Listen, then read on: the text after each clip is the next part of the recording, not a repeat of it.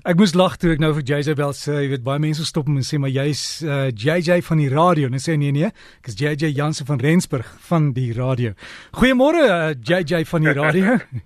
Môre Derek. Ja nee, jou van is RSG, jy weet dit net nie. ja, Derek van RSG. Nee, ag dis weet jy dis dis doodnormaal en is eintlik nog 'n kompliment as mense vir jou stop en sê jy's met JJ van die radio, né? Nee? Dis hy, ja nee, jy maak nie saak waar jy is nie, weet of in 'n winkelsentrums is of dit nou oor see is of dit waar is, jy weet mense stop jy maklik en begin sommer net gesels en dis wat dit eintlik so lekker maak. JJ, ek het 'n navraag gehad oor die snoei van rose want ek weet as jy dit terugtel, ek dink is 54 dae, dan kan jy seker wees jy het rose vir Kersfees en regdeur tot by die nuwe jaar. Ek ek sê altyd vir mense onthou snoei jy roos elke elke bos week later dan jy genoeg rose. Ja, weet jy, dit is eintlik waar wat jy sê, want hoe meer jy snoei, hoe meer nuwe blomme gaan daar kom. En jy het nou gepraat van die 54 dae. Nou, dit is as 'n mens jou roos lekker sterk terugsny en jy sny alles af. Maar wat 'n mens baie belangrik wat 'n mens eintlik moet doen, is jy moet gereeld deurgaan en van al die dooie blomme ontslaa raak of al die blomme wat besig is om af te gaan ontslaa raak. Want onthou, hy gaan saad skiet en dan gaan hy minder en minder begin blom. Ja, rose skiet wel saad. Daai knoppies wat aan die einde daar oorbly is gewoonlik saad. Maar heel interessant dat baie mense vra nou hoe ver moet ek my roos terugsny? As ek net nou my roos gereeld sou terugsny. Jy weet, en is tog al interessante ene dat die ouens wat die snyrose sny, hulle sny gewoonlik 4 keer af en 1 keer op. So hulle sny hom 4 keer laat hy laer en laer en laer word en dan 1 keer los hom laat hy hoër groei voordat hom weer begin laer en laer groei. So jy sny basies 4 keer onder 'n lid of onder 'n knoop elke keer as jy hom dan gaan snoei om dan van die blomme te sny vir die huis. As jy kyk na jou gewone bosrose of jou trosrose, as jy na jou floribunda variëteite, dan gaan mense net fisies deurgaan en jy gaan daai trossies net wegsny want hy maak geweldig baie nuwe trossies blomme die hele tyd. Um en dan as jy kan en jy sien maar hoe res so daar's heeltyd knoppies wat deurkom en daar's blomme wat afgaan, dan kan 'n mens basies net daai roos knoppie net uitbreek. Daai ene wat afgegaan het, net tussen jou vingerpunte net af afknip of afbreek en dit behoort oor as genoeg te wees. Dit behoort om pragtig en blom te hou en so gaan jy dan verseker dat jy dwars hierdie somer blomme gaan hê. Ander take JJ? Daai dit weet jy Ek weet ons is nou aan die einde van Oktober, maar Oktober, November is van die mooiste maande met alles wat in blom is. Van jou vetplante tot jou varkore, jou litrose, bladrose en nog baie meer. En ek wens eintlik daar was baie meer kwekerye wat met litrose en bladrose uh gespesialiseer het dat die mense baie groter verskeidenheid daarvan kon kry want dit lyk vir my dat mense al hoe maller en maller raak oor hierdie interessante vetplante en interessante sukkulente soos baie mense dit nou noem wat uh vir jou blomme gee. So dit is vir my definitief die mooiste tyd van die jaar. Ek het altyd gesê laat lente is van die mooiste tyd van die jaar en ons betree nou laat lente hierso. As jy jou plante vinnig moet reageer, moet jy altyd kyk na om 'n oplosbare bemestingsstof op jou plante te gebruik of 'n oplosbare kunsmis of oplosbare voeding stof. So baie mense sê maar hoorie so my plante moet nou in blom wees en hulle is nie in blom nie en wat kan ek vir hulle gee om hulle vinnig aan te jaag? Dit is dan wat jy moet vir jou kwekery vra wat is oplosbaar? Wat kan ek gebruik wat vir die plant vinnig gaan laat reageer? Jy weet oor die algemeen is jou plantvoedingsstowwe uh oplosbaar en is hulle ook iets wat baie vinnig werk. Kunsmis is nou weer iets wat 'n mens op jou op die grond van die plante strooi of om die plant strooi en soos jy hom nat maak, word hy afgewas met die water en word hy aan die wortels beskikbaar gestel. Waar baie van jou plantvoedingsstowwe word sommer deur die blare, deur die stamme, deur die wortels, deur alles geabsorbeer en oor die algemeen sal 'n plantvoedingsstof iets wat jy in water aanmaak nie so maklik jou plante brand nie. Maar onthou, omdat hy so vinnig werk, moet 'n mens hom baie gereeld gooi om wel jou plante aan die gang te hou en daai volhoudende groei uit die uit die voedingsstof uit te kry. So gaan gesels bietjie met die kwekery en vind uit wat kan 'n mens gebruik om jou plante so vinnig as moontlik aan die groei en aan die blom te kry. Veral nou met 'n somersaailing wat ons almal geplant het. Hulle is nou pragtig, hulle is nou aan die groei, maar nou moet ons hulle aan die blom kry. Nou moet ons hulle sterker kry en aan die blom kry. En hulle reageer baie beter op plantvoedingsstowwe as wat hulle reageer op kunsmisse of organiese bemestingsstowwe. Kyk bietjie daarna. Donderstorms en haal. Op die oomblik is daar geweldig baie donderstorms en haal. En weet jy, die die weer maak mense eintlik 'n bietjie bang, jy weet, want ou weet nie regtig hoe om te beplan nie, weet nie wat om te doen nie, want daar is soveel donderstorms wat op die oomblik moet al ons boergrond die hele tyd weg was. Jy weet so, wat kan 'n mens doen om jouself voor te berei, om jou tuin voor te berei daarvoor?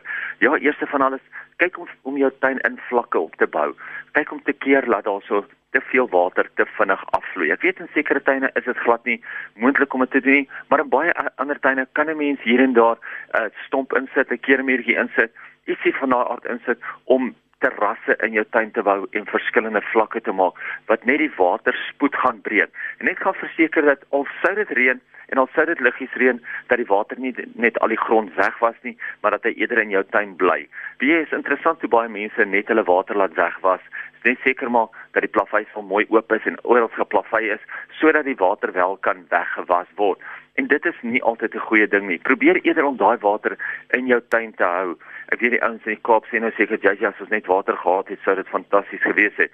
Maar ons kyk nou maar, julle julle beurt gaan kom, die reën gaan kom. Hy gaan definitief vir julle ook weer water en weer verspoeling veroorsaak. Interessant een is ook om seker te maak dat jou grond oral bedek is met grondbedekkers of met klippe. Nou grondbedekkers logies hou die grond ook vas. Dit kan van die water absorbeer, keer laat onkruide groei, maar dit verminder ook die spoed van die water. Net so met die klippe dit verminder verminder die spoed van die water en dit maak seker dat die water soos dit oor die klippe kabbel dat dit eintlik in die grond kan intrek. Daai bietjie water wat wel daar vassit dat dit eerder in die grond kan intrek en dat mense nie dan sit met 'n probleem dat al jou grond net heeltyd weggewas weggewas word nie onthou hol kan eintlik ook 'n baie goeie ding wees vir die tuin baie mense sê maar wie sê ek het so verskriklike hol by in my tuin gehad en dit het my bome stukkend geslaan. Dit het my plante flenters geslaan. Kyk, haal kan eintlik baie goed wees in die tuin. Ek praat nou nie met die boere daar buite wat landerye vol groente het wat nou deur die haal, haal seer gemaak word of van die wat vrugtebome het wat die wat die vrugte afgeslaan word deur die haal. Ek praat net maar met die gewone tuinier hierso. En weet jy, haal bring eintlik geweldig baie stikstof wat hy in die grond insit. So jy groei net na die na haal by is eintlik baie sterker as wat jou groei voor die haal by was. En dan natuurlik onthou baie van daai bome en takke en stompe en stokkies oral hoor op in die bome waarby jy nooit uitkom om van daai blare skoon te maak en van dit ontslae te raak en bietjie nuwe groei te promoveer nie. Dit is nou vir die haal sal verbykom. Dit sal nou eintlik vir jou dan 'n ideale manier wees hoe om jou plante te snoei is deur 'n lekker haal by daar te hê. So dis heeltemal 'n natuurlike verskynsel dat ons wel haal bye gaan hê. Laaste enetjie is dis nou die tyd as jy vinnig jou Kersrose nog nie gevoer het nie om seker te maak dat jy nou hulle voer vir die regte kleur. Onthou, dis nou met die voeding wat jy eintlik die Kersrose se kleur kan bepaal. Nou baie mense sal sê, ja, pink is alkalies en blou is suur of andersom en nee, dis nie so nie. Pink is suur en blou is baie suur. So, as jy jou Kersrose lekker blou wil hê, gaan kry jy jou aluminiumsulfaat wat die grond baie suur kan maak dan strooi jy dit om die plante en jy water hom in. As jy daarvan hou dat jou plante eerder pink moet wees, dan kan jy net 'n pink voedingsstof vat wat jy mens by 'n kwekery koop, dit om die plante strooi en hom daarmee in water. Onthou, dit is baie moeilik om skielik net 'n blou na 'n pink te verander of 'n pink net na 'n blou te verander. So as 'n mens dit gaan doen, gaan dit stelselmatig moet gebeur. Maar as 'n mens 'n blou, 'n mooi donkerblou wil hê, of 'n pink, 'n mooi donker pink wil hê, dit kan 'n mens redelik maklik doen deur die regte voeding toe te dien. Oor die algemeen is wit eintlik heeltemal geneties. So 'n mens verander nie sommer aan wit blomme of aan jou wit Kersrose nie, maar jou pink en jou blou, dit kan jy seker maak dat jou pink en jou blou sterker en beter vertoon. En jy het net gou 'n vraag hier van van uh, van iemand wat vra oor aardwurm tee, kan 'n mens dit koop by kwekerye? Algemeen word erwin tee nie sommer verkoop deur die kwekery nie, nee. Maar wat 'n mens wel kan doen is jy kan die erwin mis, hulle noem dit vertillis. Jy kan die erwin misvat en jy kan dit in water oplos en jy kan jou eie erwin tee maak. Onthou erwin tee is mikrobes wat lewendig is. En as 'n mens dit um, vooraf sou maak en dit sou lank staan, dan sal hy mikrobes vrek maar sou jy dit in die grondvorm hou in 'n kunsmisvorm hou en jy kan dit later van tyd nat maak en aktiveer glad nie 'n probleem nie. En dan catnip, ek uh, het 'n rede, wel, ek het 'n manier gekry om my catnip te laat oorleef. Ek het 'n ou voel voeltjie hok gevat en dit daarin geplant en die hokkie is nou al blink geskuur deur die katte.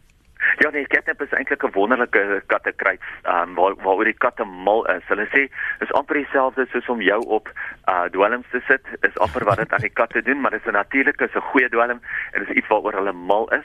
'n voeltjie ook kan baie goed werk. Ek het ook al gesien dat mense vat gewone ou hangmandjies, daai draad hangmandjies, hmm. dan plant hulle die plant en hulle sit die draad hangmandjie bo oor hom en dit beskerm ook daai basis van die plant. Want onthou, as die katte mal is oor daai oor daai catnip, gaan hulle hom definitief opvreet tot in die wortel en al.